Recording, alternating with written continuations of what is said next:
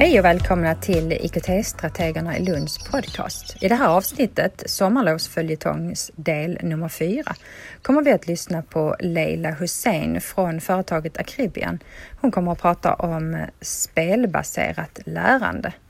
Alltså att ta in spel som kan ge ett lärande. Nu ska vi eh, eh, kasta oss rakt in till något som vi har döpt till Game-Based Learning.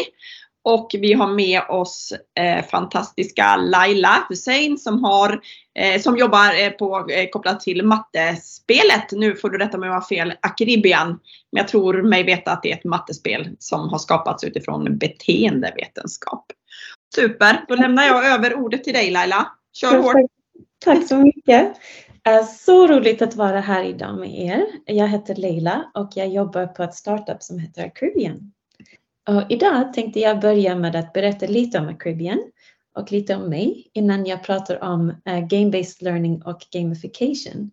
Vad de här begreppen betyder och hur de används.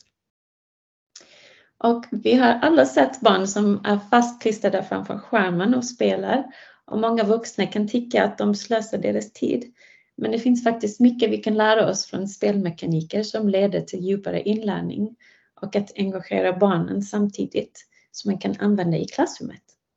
Och jag ska avsluta med några exempel.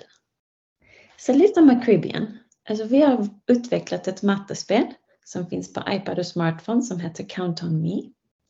Och det är baserat på Direct Instruction-metoden av Morningside Academy i USA. I, stor, I stora drag det funkar så här. Uh, först introducera ett koncept. Sen lära att svara rätt utan tidspress. Sen svara med flit, alltså rätt och snabbt. Och först därefter anses man att ha bemästrat det för livet. Så anledningen att vi använder den här metoden är att forskning har visat att det leder till djupt lärande och att man lär sig för livet. Men det ska också vara roligt, eh, som alla har berättat idag. Därför har vi skapat en berättelse av äventyr där spelaren tar sig framåt genom att genomföra matteövningar som anpassas efter spelarens kunskapsnivå och prestation. Och när det kommer till inlärning så finns det två begrepp som cirkulerar, game-based learning och gamification. Men vad betyder de och vad är skillnaden? Nästa. Um, så game-based learning har olika variationer som kanske Game Embedded Teaching eller Game Immersed Learning. Eh, där spelaren är uppslukad i en värld med regler som styr. Så precis som Gunnar nämnde att du är agenten eller du, det är du som ska lösa ett problem. Så du är i ett verkligt sammanhang där spelaren har en aktiv roll och påverkar världen och får feedback, vilket leder till att spelaren lär sig om ämnet. Så lära genom att göra. Nästa. Så två exempel som jag vill visa är Our City. Det är en gratis spel av Facebook som är inspirerad av Sims där spelaren ska bygga en stad med vissa resurser och möta invånarnas behov.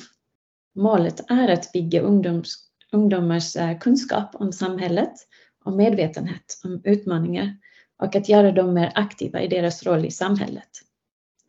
Och det finns en också som heter Variant Limits av uh, Texas A&M University Live Lab där spelaren måste använda calculus för att lösa utmaningar på en mystisk planet såsom att öppna en dörr eller ta bort ett föremål som står i vägen. Det är inte så många som gör det för att det är faktiskt svårt. Det är svårt att lyckas med game-based learning för man måste tänka på lärandemålen och hur vi mäter att de har lärt sig och integrerar det i spelet. Ja, spelet ska eh, uppmuntra utforskning inom ramen och att misslyckandet är en del av läroprocessen, men även att hitta olika sätt att lösa problemet. Det hjälper med growth mindset, det vill säga att de kan förbättra sina kunskaper med ansträngning och tid. Och detta blir en, en lärmiljö, precis som ni har nämnt tidigare.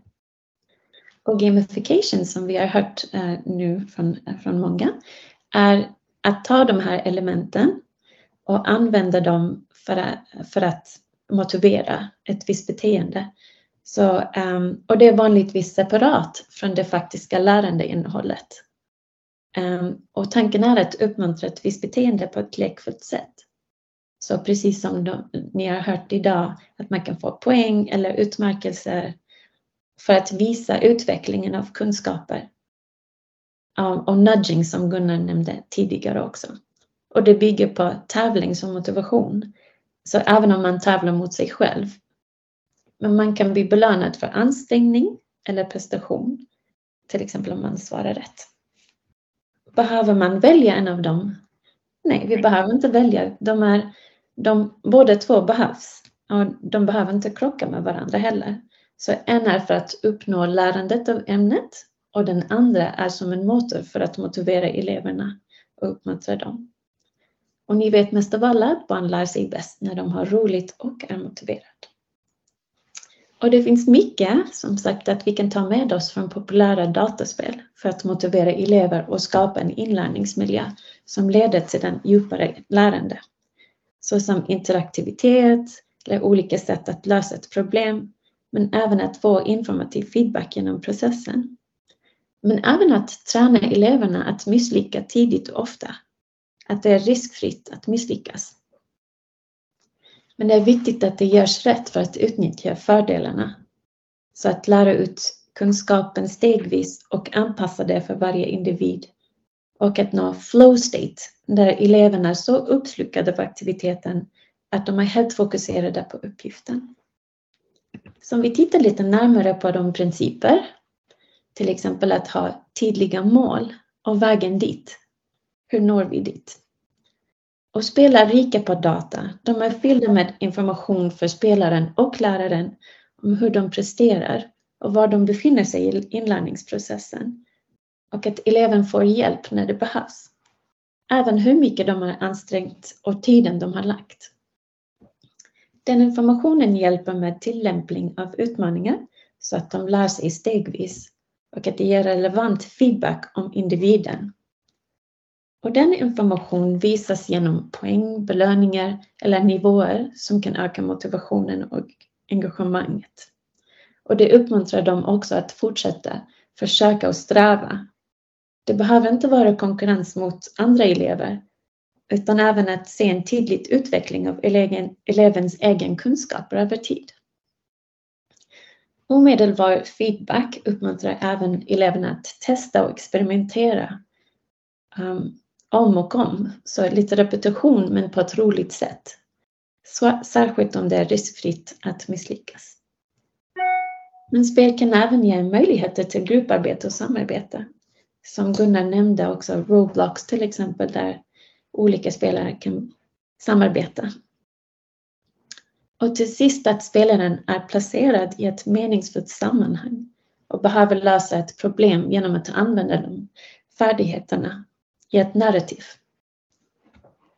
Men ni kanske redan använder de spelmekanikerna utan att formellt tänka på det.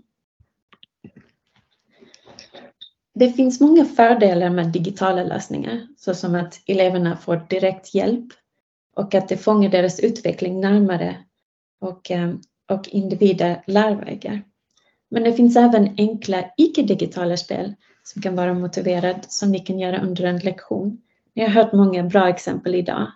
Men två exempel är um, brädspelet med andra ord för att öva ordens betydelse och synonymer där man behöver beskriva ett ord utan att säga det. Och en som kräver lite mer planering är från tv-serien Amazing Race. Man har olika stationer med olika typer av frågor eller uppgifter som de behöver lösa i små grupper. Och det leder till en större uppgift till slut man kan använda det istället för ett prov för att eleverna behöver kombinera kunskap från olika områden. Men det finns många idéer ni kan använda, ehm, även med enkla verktyg. Och det var allt från mig, så lycka till med det. och hoppas att ni hade roligt idag och tack igen för att jag fick vara med.